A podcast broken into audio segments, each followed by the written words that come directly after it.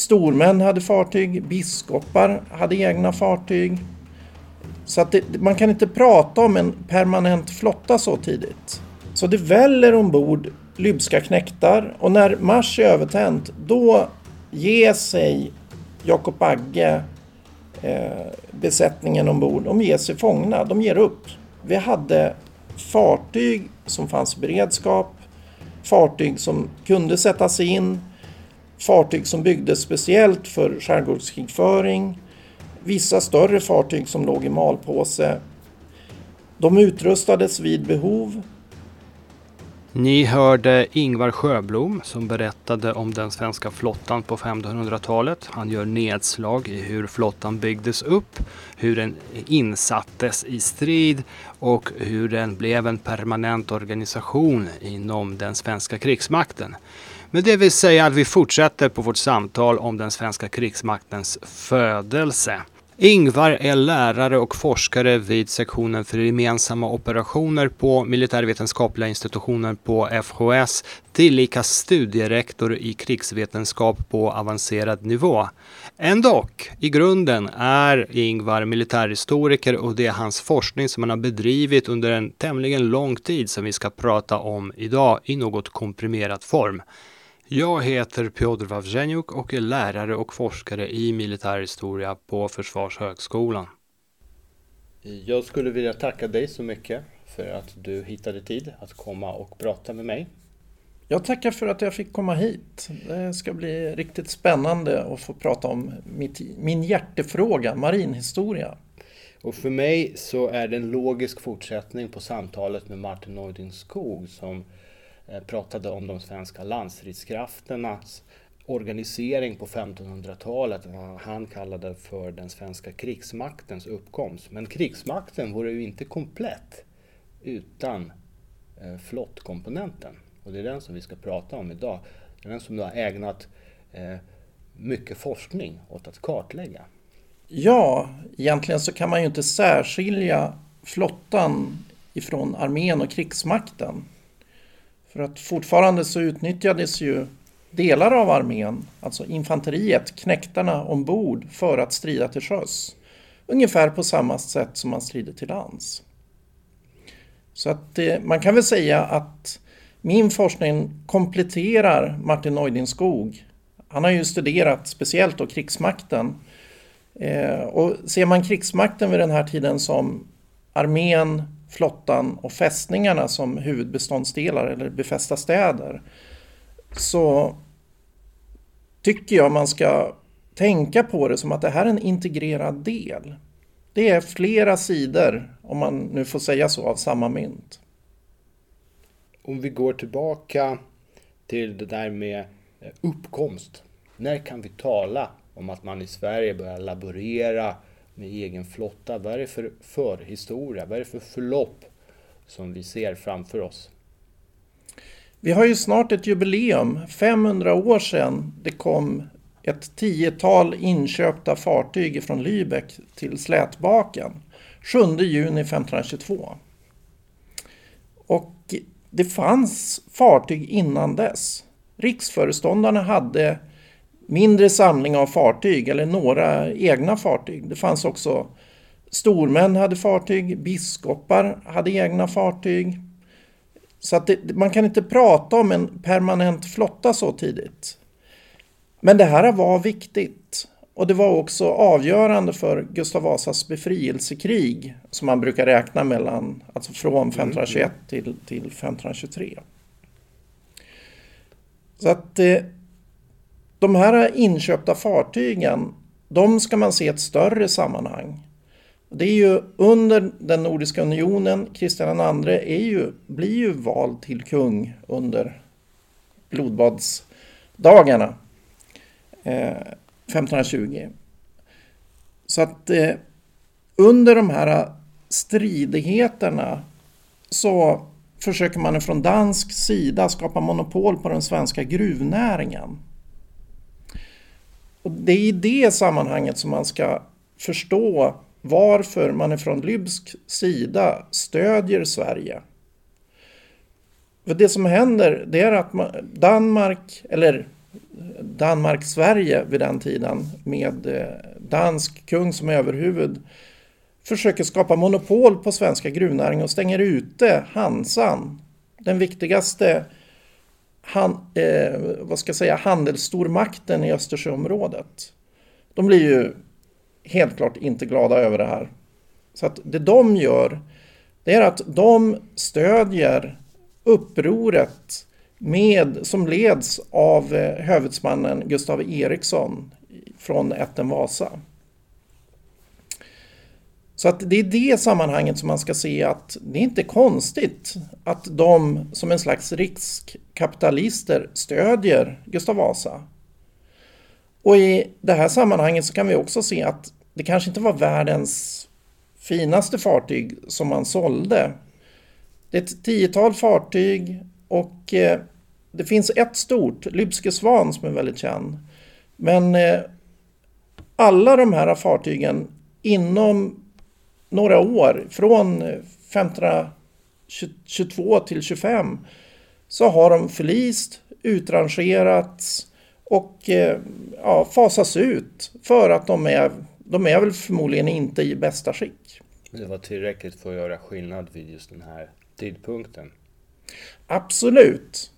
Och det som händer det är att eh, Gustav Vasa han är ju väldigt framgångsrik i befrielsekriget, eller i inbördeskriget kanske man ska kalla det mot Kristian eh, II. I Danmark känd som Kristian den gode och i Sverige mm, som mm. Kristian Tyrann. Eh, så att de här tio fartygen som Gustav Vasa köper in, först på krita, han betalar ju av en del av det under, med tiden. Eh, det är ju inte alla fartyg utan han har ju också några fartyg som finns kvar från Sten Sture den äldre. Han lånar in eh, några fartyg, eh, bland annat ifrån biskoparna. Den mest kände, tycker jag då, är ju Hans Brask. Och eh, som jag också har varit med att identifiera att Riddarholmsskeppet som finns på Medeltidsmuseet faktiskt är Hans Brasks fartyg och det som lånades in till Gustav Vasa. Slutparentes. Eh, så att det är... Eh, det blir en stomme i den första flottan som kommer 1522. Det kan ju te sig som självklart, men låt oss bara kort uppehålla oss vid varför Gustav Vasa behövde sjökomponenterna i, i upproret. Varför var det viktigt? Det blir avgörande för att Eh, med den här flottenheten, det är ju inte bara fartygen utan det är ju både lybska eh, besättningar och eh, befälhavare som lånas in vid det här tillfället. Det blir avgörande för att Kristian II, han kan inte försörja Stockholm sjövägen. Så att genom den här flottenheten som tidigt går i allians med den lybska flottan eh, komplettera den till en början. Eh, strider vid Bornholm, är och bränner ute vid Köpenhamn och i slutet av året 1522 är uppe vid Vaxholm. Och genom sin närvaro vid Vaxholm, man kanske inte kan kalla det för ett slag, men att där lyckas den här flottenheten stänga av Danmarks förmåga att försörja Stockholm. Sören Norrby finns i Åby, går emot eh, Åland och sen så ska han då in emot Stockholm i, från den norra sidan. Men där stoppas upp av den här eh, svenska flottan. Eller embryot till en svensk permanent flotta, för man kan inte prata om en permanent flotta vid den tiden. Hur går det sen? Gustav Vasa konsoliderar ju makten, han etablerar sig under 20-talet. Om vi blickar bortom 1520-talet, eh, hur arbetar man med, med flottan? Vilka lösningar eh, tillgriper man för att eh, fortsatt ha en sjöförmåga? Det viktigaste egentligen, det är att förstå den strategiska dynamiken. Det handlar framförallt om hotbilden. När hotet är ifrån Danmark eller stora sjögående nationer, då bygger man fartyg för att möta det hotet. Är hotet ifrån Ryssland och det handlar mer om skärgårdskrigföring, då bygger man fartyg för att möta det hotet. Och det här påverkar också hur flottan förändras och hur man måste anpassa sig för att då bemanna, bestycka och eh, utrusta fartygen vid den här tiden. Så att tidigt eh, efter eh, Gustav Vasa har börjat bygga fartyg och det gör han i slutet av 1520-talet. Då fortsätter han att ha ett stort fartyg och många mindre fartyg. Så att Lybska Svan vet vi redan är ett av de större fartygen som fanns tidigt 1500-tal.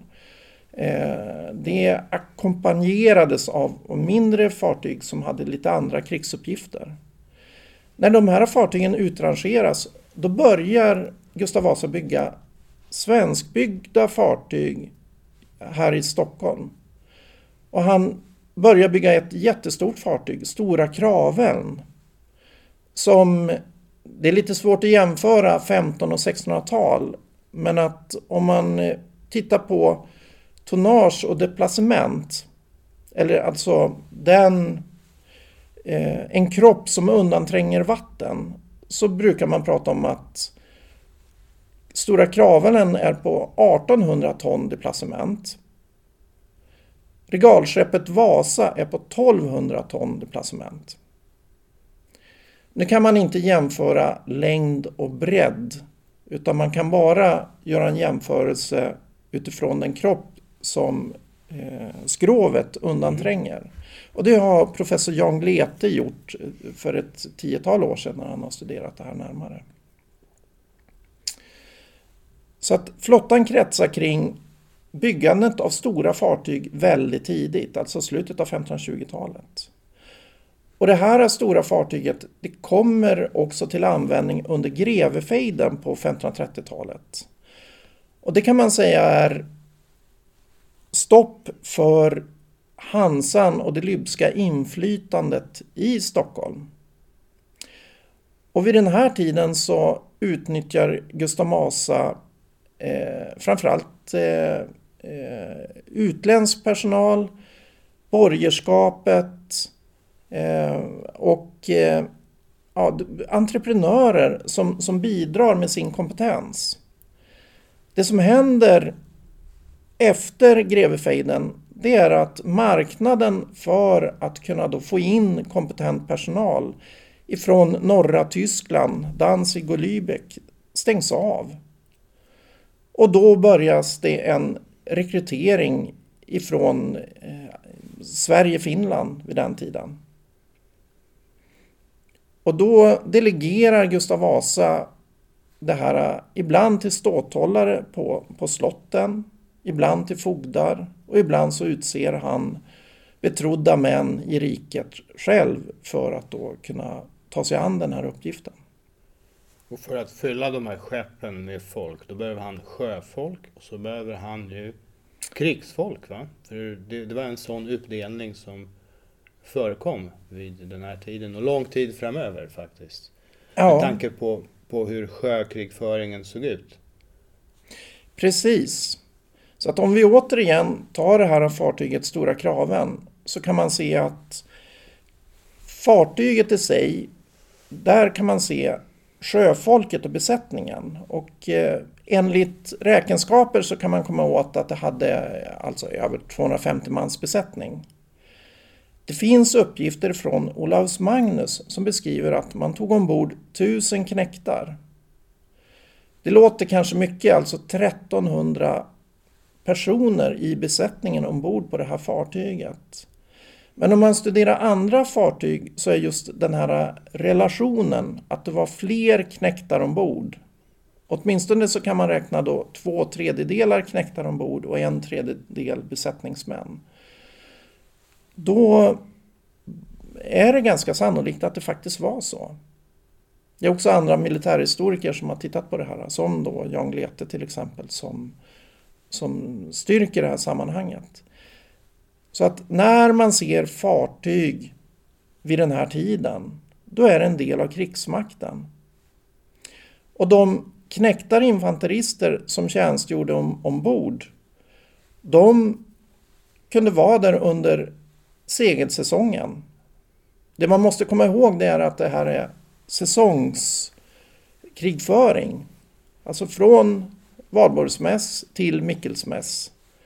Så att det är från, vad ska vi säga, april till oktober så pågår verksamhet till sjöss. Eh, och de kanske är ute och gör stridsuppgifter, krigsuppgifter ifrån maj till september. Nu finns det undantag, men rent generellt när det handlar om många fartyg samtidigt så måste det här planeras. Och det här blir en central del för Sverige som stat, nu gör jag kaninöron i luften, eh, för det fanns ju naturligtvis ingen stat i modern bemärkelse. Men man kan se att det blir en inre dynamik. Och som sociologen Charles Tilly brukar säga, States makes war, war makes states. Det finns ingen annan än kungen eller en, en statscentralmakt för den här tiden som har råd att utrusta, bemanna och vidmakthålla en flotta. Därför blir det också så väldigt centralt, inte just om perioder av krig eller sjöstrid, för det är inte så ofta det sker. Utan det är framförallt att man lyckas vidmakthålla det här under perioder av fred eller stillestånd och eh, under hotfulla perioder också. För att kunna göra det så skapas det en byråkrati, en administration. Man måste planera med fogdar, att de ska få ut dagsverken, att de måste ordna med förnödenheter som ska placeras ut på olika borgar i Sverige. De ska också ordna med underhåll, alltså det ska eh, kapas träd som ska till skeppsgårdarna. Det, det, är en väldigt stor apparat. Och det här kräver också, eh, eller man ska se det som en del av Gustav Vasas och hans söners uppbyggnad av en statsmakt som innebar att man var tvungen att eh, beskatta befolkningen för att få in pengar för att kunna driva krigen och det här blev en inre dynamik. Ja, om vi återgår till professor Jan Glete så är det han som har forskat mycket om den här villigheten att betala. Där han finner att eh, befolkningen i stort tyckte att det var mödan värt att betala de här skatterna i utbyte mot vad som faktiskt visade sig vara högre eh, stabilitet och, och, och, någon form av eh, eh, trygghet från yttre och till slut även inre oroligheter.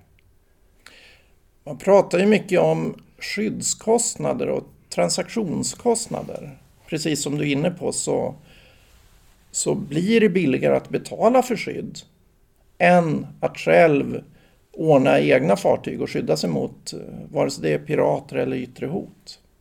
Ja, nej, han är pionjär på det området, att titta på flottan ur det perspektivet. Om vi pratar om kostnader eh, för flottan eh, som också var, var planeringstung och, och krävde mycket förarbete eh, med, med, höga kostnader inblandade så kan vi också prata i, i, på sikt. Va? För om, man, om vi lämnar 1500-talet för en kort stund så kan faktiskt Sverige stoltsera med en första statsbudget som eh, inte var Eh, Eh, mycket mer än egentligen uppställning och vad man får in mot vad, vad, man, vad man har för utgifter. Men ändå eh, en, en stor nyhet. Det är, det är inte många stater som håller sig med, med en statsbudget på det här sättet och räknar på inkomster och utgifter. Och det här sker, rätta mig om jag har fel, jag har haft fel förut, 1624 Eh, där någonstans så, så, så, börjar man räkna på det här sättet. Så det är inte endast avhängigt sig en suveräns, en furstes vilja. Utan man faktiskt också tittar på, på de tillgängliga resurserna. Och det är också det, det är dit den här utvecklingen som Gustav Vasa påbörjar leder. Och liksom den här processen eh, som du nämnde, Tillys ord om war, wars make states och, och vice versa. Eh, det, det är ut, utbyggd statsapparat, eh, skatteväsen och en annan närhet till undersåtarna än, än tidigare. Framförallt med fokus på deras då, ekonomiska förmåga att leverera, men också en del ideologisk, eh, låt oss kalla det överbyggnad. Ja, eh, man kan också se det som att eh, eh Gustav Vasa och Silvergruvan är ju en, en eh, enormt framgångsrik bank fram till Erik den XIV. Sen så tar resurserna slut och silvergruvan rasar och man, de här eh, silverskatterna de dräneras utav krigen. Så att det som också Jan Glete visar det är att Sverige har på 1570-talet, alltså under Nordiska sjuårskrigets slut, en flotta, alltså Europas största flotta av seglande krigsfartyg, örlogsfartyg. Eh, och det här eh, ger ju proportioner, inte bara alltså i Europa. Vi, vi, vet inte så mycket om hur, hur eh, världens flottor såg ut, alltså den kinesiska flottan och hur det ser ut i Asien. Eh, det är seglande krigsfartyg, fartyg som är speciellt byggda för krig. Ottomanska riket har en enorm galärflotta. Det sker också en brytningstid av byggande av segelfartyg och det mest kända exemplet är slaget vid Lepanto 1571 när det är en brytningstid när de här seglande krigsfartygen tar över. Men det som händer här uppe i, i Östersjöområdet är att det är en kapprustning. Så att Sverige bygger tidigt väldigt, väldigt stora krigsfartyg. Mycket större än regalskeppet Vasa, återigen som ett slags eh, eh jämförelseobjekt eftersom många har varit på Vasamuseet i Stockholm. Eh, och det, det som händer sen när Johan III tar över, det är att kriget har dränerat den svenska ekonomin. Så att det, det finns inte lika mycket pengar längre. Och när Johan III bedriver kriget i Baltikum, alltså det ryska 25-årskriget, då finns det inte pengar utan eh, Birgitta Odén har studerat den här skattepolitiken vid den tiden och hon visar att eh, utifrån källmaterialet så går inte ekonomin ihop. Så att statsbudgeten den är alldeles för liten för att man ska kunna genomföra allt som man genomför. Och eh, det, det hon, det jag själv har tittat på, det, det man kan se, det är att Johan den tredje, han bedriver aktiv eh, kaperiverksamhet. Han kapar fartyg som man inte får kapa, som man har kontakter med vänligt sinnade nationer. Och det gör han enbart eh, av pragmatiska skäl. Han behöver få in pengar, han behöver få in eh, förnödenheter för att kunna betala en krigsmakt som är ute och strider på, alltså i Baltikum och mot Ryssland.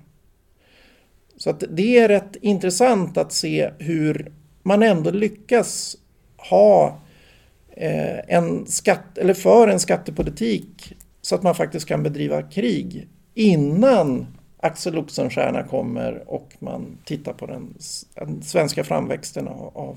Man bygger upp tryggare strukturer för mer, mer robusta sådana. Mm. Eh, och det är lite min poäng också genom att studera 1500-talet.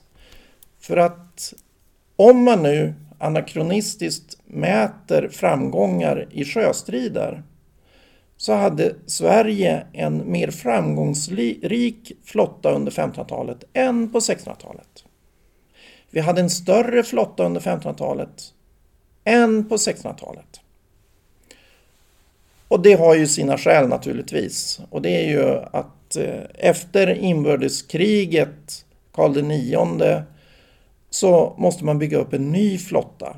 Och det gör man ju också, men det tar en, bit in på 30-åriga kriget innan vi faktiskt kommer så långt.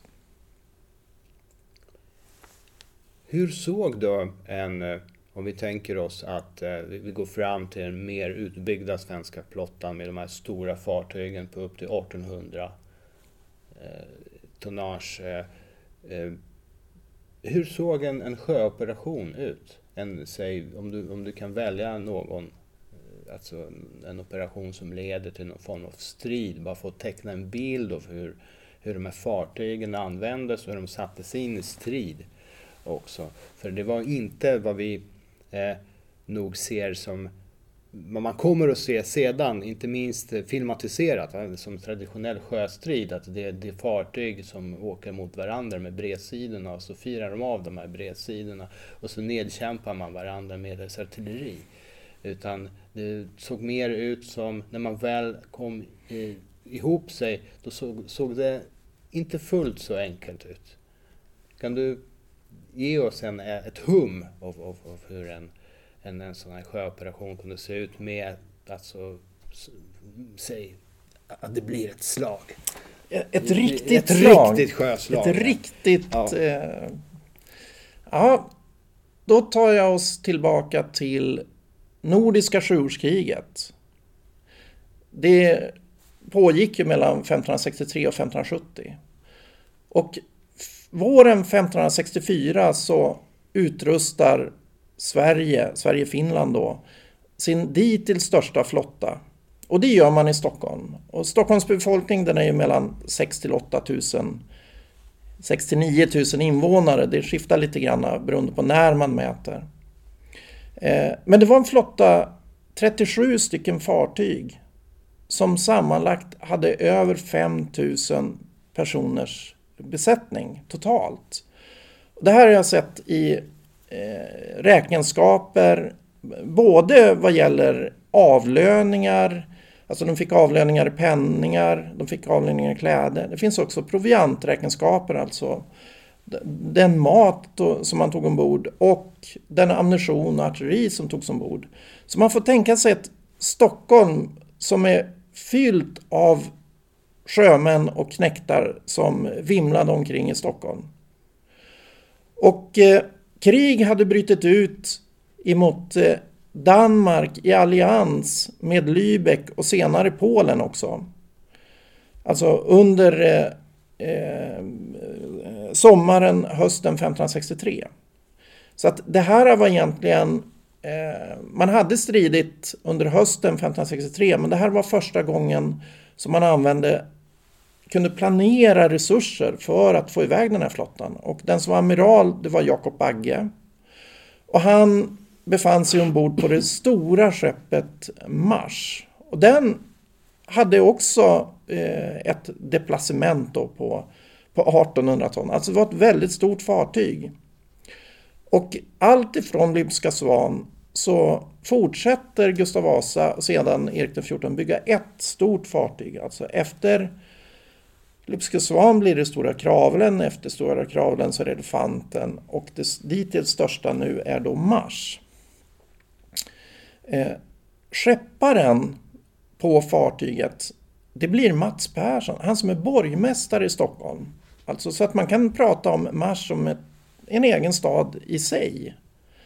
Vi har också viceamiralen, alltså Jakob Agge, han är stridserfaren, har eh, vad ska jag säga, norskt påbrå, Bagge, norrbagge, så att han är hallänning egentligen skulle man kunna säga. Eller i, uppemot eh, kusten emot eh, Norge.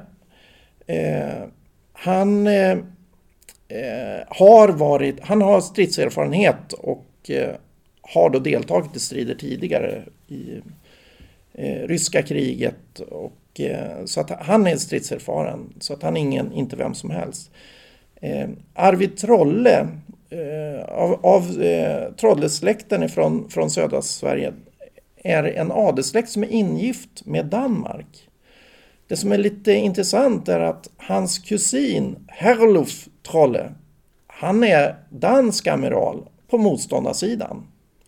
Så att på samma fartyg så har vi då Jakob Bagge, amiral över den svenska flottan, 37 fartyg. Vi har också en viceamiral, högadel, Trollesläkten, min kusin som är på motståndarsidan. Och sen så har vi också skepparen som är borgmästare i Stockholm. Flottan går, eh, det här är slutet av april, den har utrustats. Den går också emot Danmark alla vet ju att Gotland vid den här tiden, det är ju Danmark.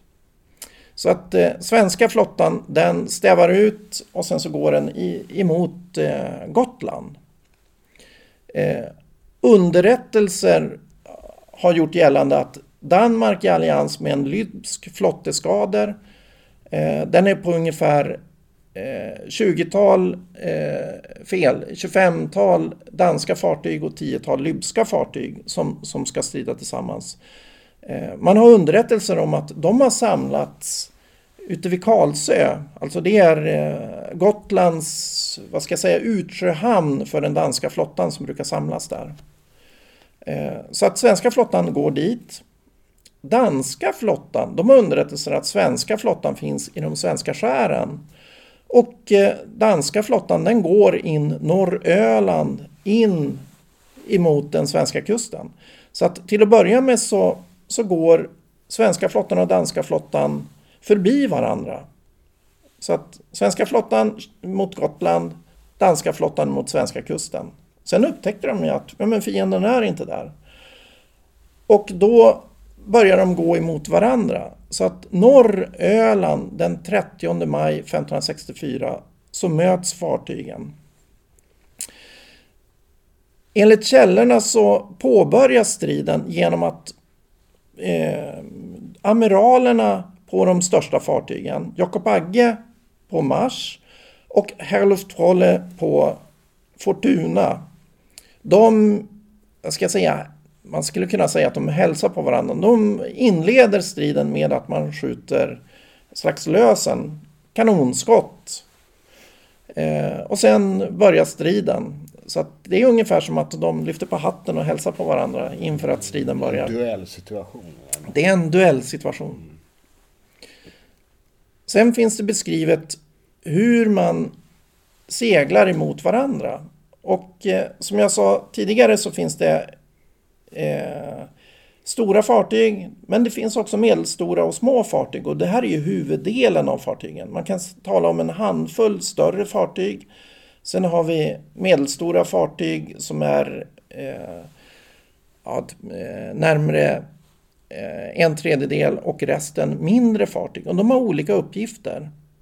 Eh, stora fartygen de har blivit artilleriplattformar och mindre fartyg är mer till för att göra andra fartyg manöverodugliga.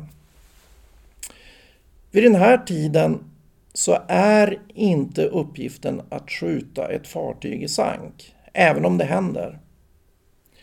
Eh, utan att eh, det är så stora pengar det handlar om ett motståndarfartyg. Alltså, tar man Mars till exempel som har över 100 bronskanoner ombord. Där den största väger uppemot 5 eh, ton. Alltså det är, det är jättepjäser. Och brons, koppar och tenn, det är ju värt jättemycket pengar. Så att man får tänka sig att det är väldigt viktigt att erövra de här fartygen och det är det man försöker. Så att när artilleristriden inleds i början av slaget då använder man olika typer av ammunition. Så att på distans så använder man rundkula eh, på längre avstånd. Eh, man har också en del penetrerande kulor, alltså det finns det man kallar för eh, piklod, alltså ett, ett klot där man kan se liksom en järnpinne i, stucken igenom som en pil. Eh, och det är just penetrerande. Eh, när man kommer närmre då vill man göra fartyget manöverodugligt och då skjuter man eh, kedjelod, piklod för att kunna då eh, slå emot master och segel. Även emot roder. Och när man kommer ännu närmre då så pratar man om att man skjuter eh, kartescher. Alltså eh, slags granater för att få bort knäktarna från däcken. Så att man kommer så pass nära så att man kan äntra fartyget. Och då blir det äntringsstrid och då blir det precis som på film. Alltså då är det infanterister med... Eh, eh, ja, man skjuter eh, armborstpilar, man skjuter med eh, luntlås vid den här tiden. Man kastar granater, fyrkransar ifrån mässarna. Eh, man försöker antända fiendens fartyg och man försöker komma så att man kan då borda fartyget. Man har också kastar liner med kedjor för att dra sig nära. Det finns beskrivet vid den här tiden att eh, från svensk sida så sticker man ut bjälkar genom kanonportarna för att hindra motståndarfartyget att komma nära. Så man försöker då putta bort det genom att då sticka ut eh, eh björkar eller bjäl bjälkar av björk för att då få bort motståndaren. Man kan också tänka sig att det här var väldigt blodiga strider. Första stridsdagen den 30 maj, då pågår det en duellsituation fartyg mot fartyg. Mars lyckas skjuta eh, sönder ett av råna på Herluftrolles amiralsfartyg. Mars lyckas också sänka ett lybskt fartyg som heter Långebarken. Och det här fartyget, eh, på tysk sida så eh, beskrivs det i tyska källor eller lybska källor att det var gammalt och uppruttet och gamle barken och, och det var eh, det sjönk men alla i besättningen klarade sig. Och de svenska källorna beskriver att det här var ett eh, finare fartyg och man sänkte det med man och allt. Och heroisk sänkning. Och sanningen ligger väl naturligtvis däremellan. Men det är ungefär det som händer under första stridsdagen. Andra stridsdagen så blåser det upp till storm. Och eh, det är bara hälften av den svenska flottan som kommer till strid nästa dag. Så att vinden, när vinden har mojnat så inser man att man är bara, bara 16 stycken fartyg.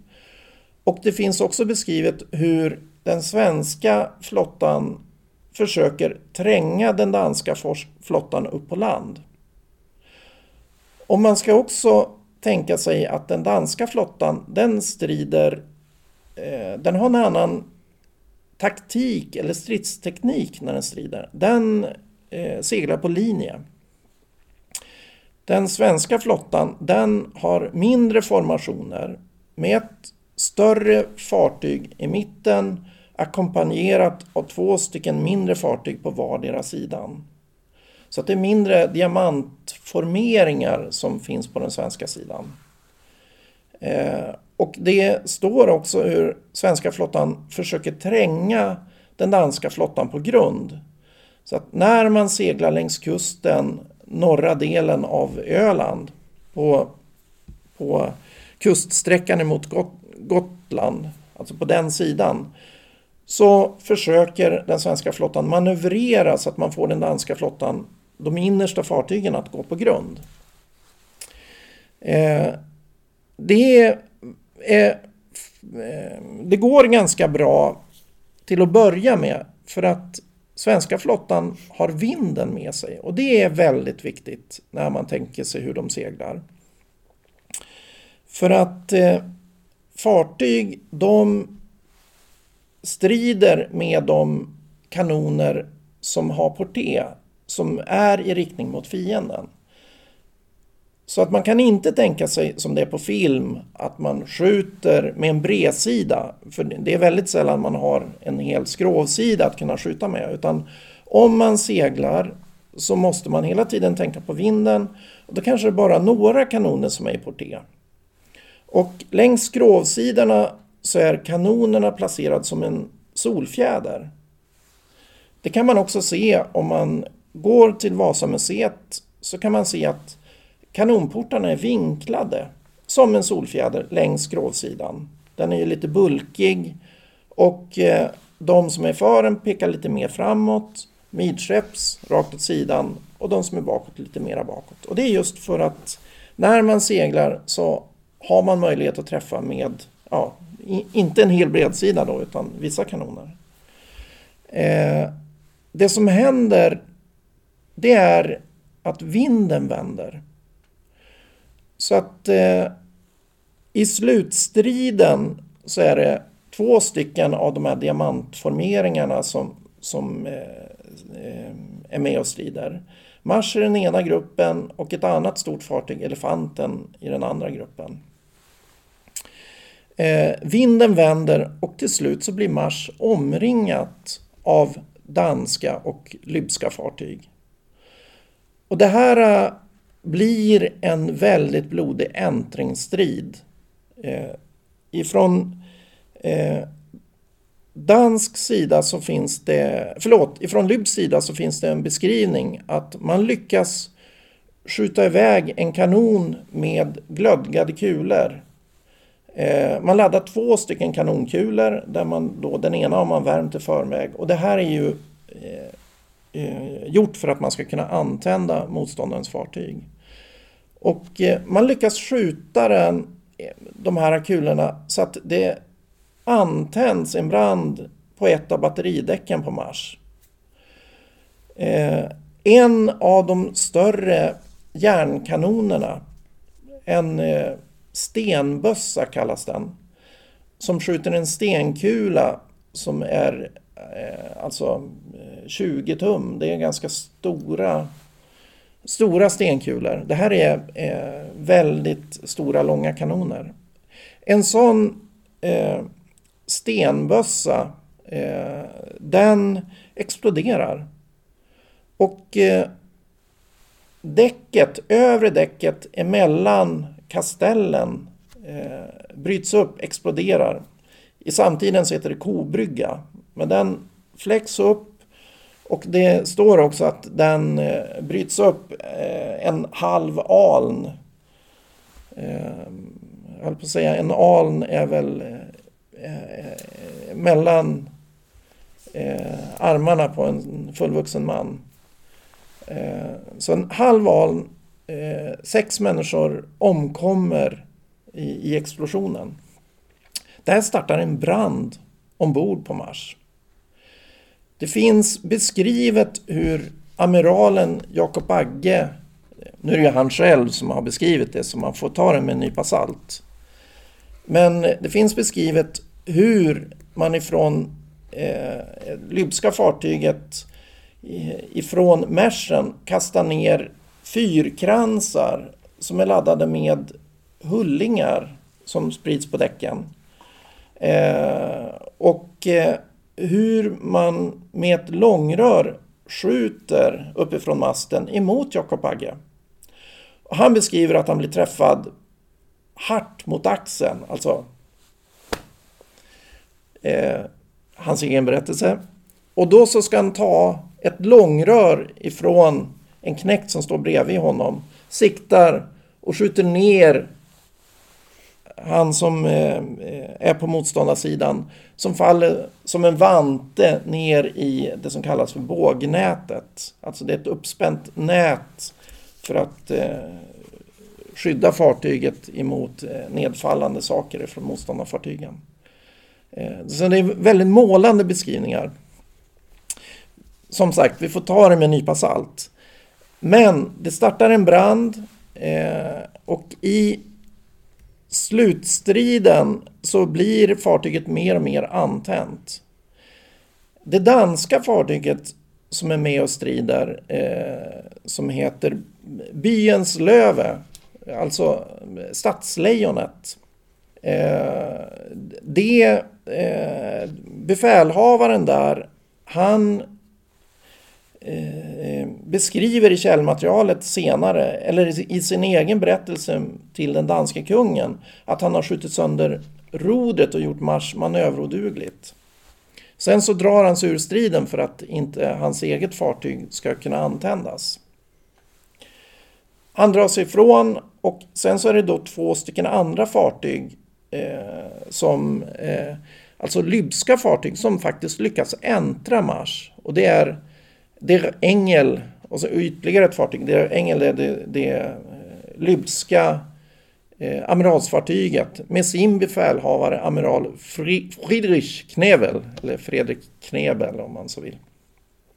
Så det väller ombord lybska knäktar och när Mars är övertänt då ger sig Jakob Agge eh, besättningen ombord, de ger sig fångna, de ger upp. Lybska knäktar och sjömän kommer in ombord och försöker plundra. De vill ju ta för sig så mycket man kan. Under den här tiden så eh, tas Jakob Agge eh, och ett, eh, det är väl sammantaget ett 60-tal per personer, tas som fångna ombord på, på eh, Der Engel. Men Mars är övertänt, exploderar, sprängs i fören. Fockmasten, den förliga masten, det beskrivs att den skjuts upp som en pil i vädret. Och fartyget bräcks och sjunker en bit utanför Öland, norra Öland. Och är det någon som har sett på den här dokusåpan Böda Sand så om man är vid Böda, norra Öland, sitter i en båt, åker i tio knop en timme mot Gotland. Där nere, där på botten, där ligger Mars fortfarande idag. Och vad fick det här sjöslaget för konsekvenser i det pågående kriget? Egentligen så fick det inte så stor påverkan på kriget. Utan eh, det fick stora konsekvenser Eh, för eh, det blev en stor rättegång efteråt. För man ville ju då ta reda på hur kommer det sig att det största, finaste fartyget i svenska flottan har gått under. Så det blir en eh, stor utredning. Och det finns också eh, källmaterial från rättegången där man har delat upp vilka som stred man, manligen, alltså vilka som var modiga. Eh, och eh, vilka som, som hade fegat ur. Och det är en lista då på olika som då eh, skulle eh, dömas till döden för att de, de hade varit eh, fega i striden. Sen kan man också se att eh, de har ju då edsvurna män som, som svär att den här personen var faktiskt modig, manlig vid det här tillfället eller inte. Så att i det lilla så eh, fick det stora konsekvenser eh, för att man hade förlorat just det här stora fartyget. Men i det långa loppet så fortsätter kapprustningen mellan Sverige och Danmark. Eh, och eh, det som egentligen påverkar kriget till sjöss det är några år senare och det är när danska flottan med två stycken nybyggda fartyg som är ännu större än Mars, alltså på över 2000 ton placement, ligger på redden eh, utanför Visby och de ska begrava en hövitsman, alltså en befälhavare i kyrkan. Och det blåser upp till storm och en stor del av den danska flottan förliser vid det tillfället. Så att slumpen avgör sjökriget mycket mer än enskilda slag och eh, speciellt det här sjöslaget vid Ölands norra udde som det kallas. Spännande, spännande förlopp. Jag har en fråga som är mer som, där vi lyfter blicken bortom eh, Nordiska sjuårskriget och, och tittar på, på den svenska flottan i det längre perspektivet. När kan vi tala om att vi faktiskt har en flotta som är permanent? Som är mer permanenta besättningar som, som har en form av ständig beredskap eh, så länge vädret tillåter. När inträffar det här? Jag har ju tittat på just specialiseringen och framförallt av eh, sjöofficerare. Nu är det ju också anakronistiskt att säga att eh, sjöofficer eller sjöofficerskår för att den här uppdelningen den kommer långt senare. Så att den som är befälhavare den kallas för hövitsman och det är ju, kommer ju från eh, eh, huvud eh, Haupt, alltså tyskans huvud. Eh, och det är egentligen samma etymologi, alltså samma ordbakgrund som capit, latinets eh, ord för huvud. Så, och det blir kapten. Så att hövdsman och kapten, samma sak. Och vid ett givet tillfälle i källmaterialet tidigt 1600-tal så bara byter man från det ena till det andra, från tyska till latin. Vi vet inte varför, men, men man gör det. Befälhavaren eller sjöofficeren kallas alltså för, för hövdsman, kapten. Under Nordiska sjuårskriget så börjar det komma fram de som kallas för skeppshövitsman. Alltså man kan se då att det, det är speciella som får då titeln skeppshövitsman. Som är chefer på fartyg? Som är chefer för ett fartyg. Eh, men att eh, man kan se att det börjar bli en form av permanent sjöofficerskår som växer fram under Nordiska sjuårskriget. Sen så finns inte behovet av en stor flotta under andra halvan av 1500-talet. Så att eh, man bygger istället galärer eh, för, som är bättre för, för skärgårdskrigföring i Finska viken. För att man strider mot Ryssland i det som kallas för ryska 25-årskriget. Alltså 1570 till 1595. Och då, genom att man inte upprätthåller den här stora flottan så behöver man heller inte den stora eh, kadern av officerare och personal. Så att eh, det tillsammans med att eh, de här galärerna i, inte har samma kompetensbehov det, det gör att det, det, finns ingen grund för en, en permanent flotta i den betydelsen. Vi har, däremot så har vi ju fartyg under beredskap under en lång tid. Fortsätter att bygga fartyg men de utrustas inte och bemannas inte. Och använder man det som krav för att man ska ha en permanent flotta så då, då kan man säga att det, det är först efter de här stora inbördeskrigen som man får en mer mer permanent flotta. Eh, och det kan man också se när det gäller, eh, alltså man har pratat om en permanent sjöofficerskår. I Danmark, där så tittar, ser man den här utvecklingen under första halvan av 1500-talet. Så att där så ser man då att, att hövitsmän som år efter år tjänstgör i flottan bildar en permanent kader och blir permanent avlönade. Vi har inte samma avlöningssystem utan att eh, det är först under tidigt eh, 1600-tal som vi får den utvecklingen i Sverige. Hade vi en permanent flotta? Ja, vi hade fartyg som fanns i beredskap. Vi hade fartyg som kunde sättas in. Vi hade fartyg som byggdes speciellt för skärgårdskrigföring. Vissa större fartyg som låg i malpåse. Eh, de utrustades vid behov. Eh, men vi fick inte samma genomslag med en eh, högsjöflotta som det var under Nordiska sjuårskriget. Ingvar, vi får eh, tacka dig för att du hittade tid för att skjuta ut dig tillfälligtvis från dina eh, många plikter och eh, forskarintressen och kunde delge oss inblickar. Små fragment.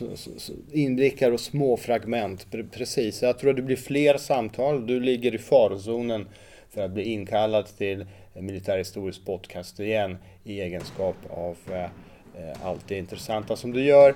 Tack så mycket. Jag tackar för att jag fick komma hit. Tack. Det var allt för denna gång. Tack så mycket för att ni lyssnade och på återhörande nästa månad. Jag heter Piotr Wawrzeniuk och det här var en podcast från Militärhistoria på Försvarshögskolan.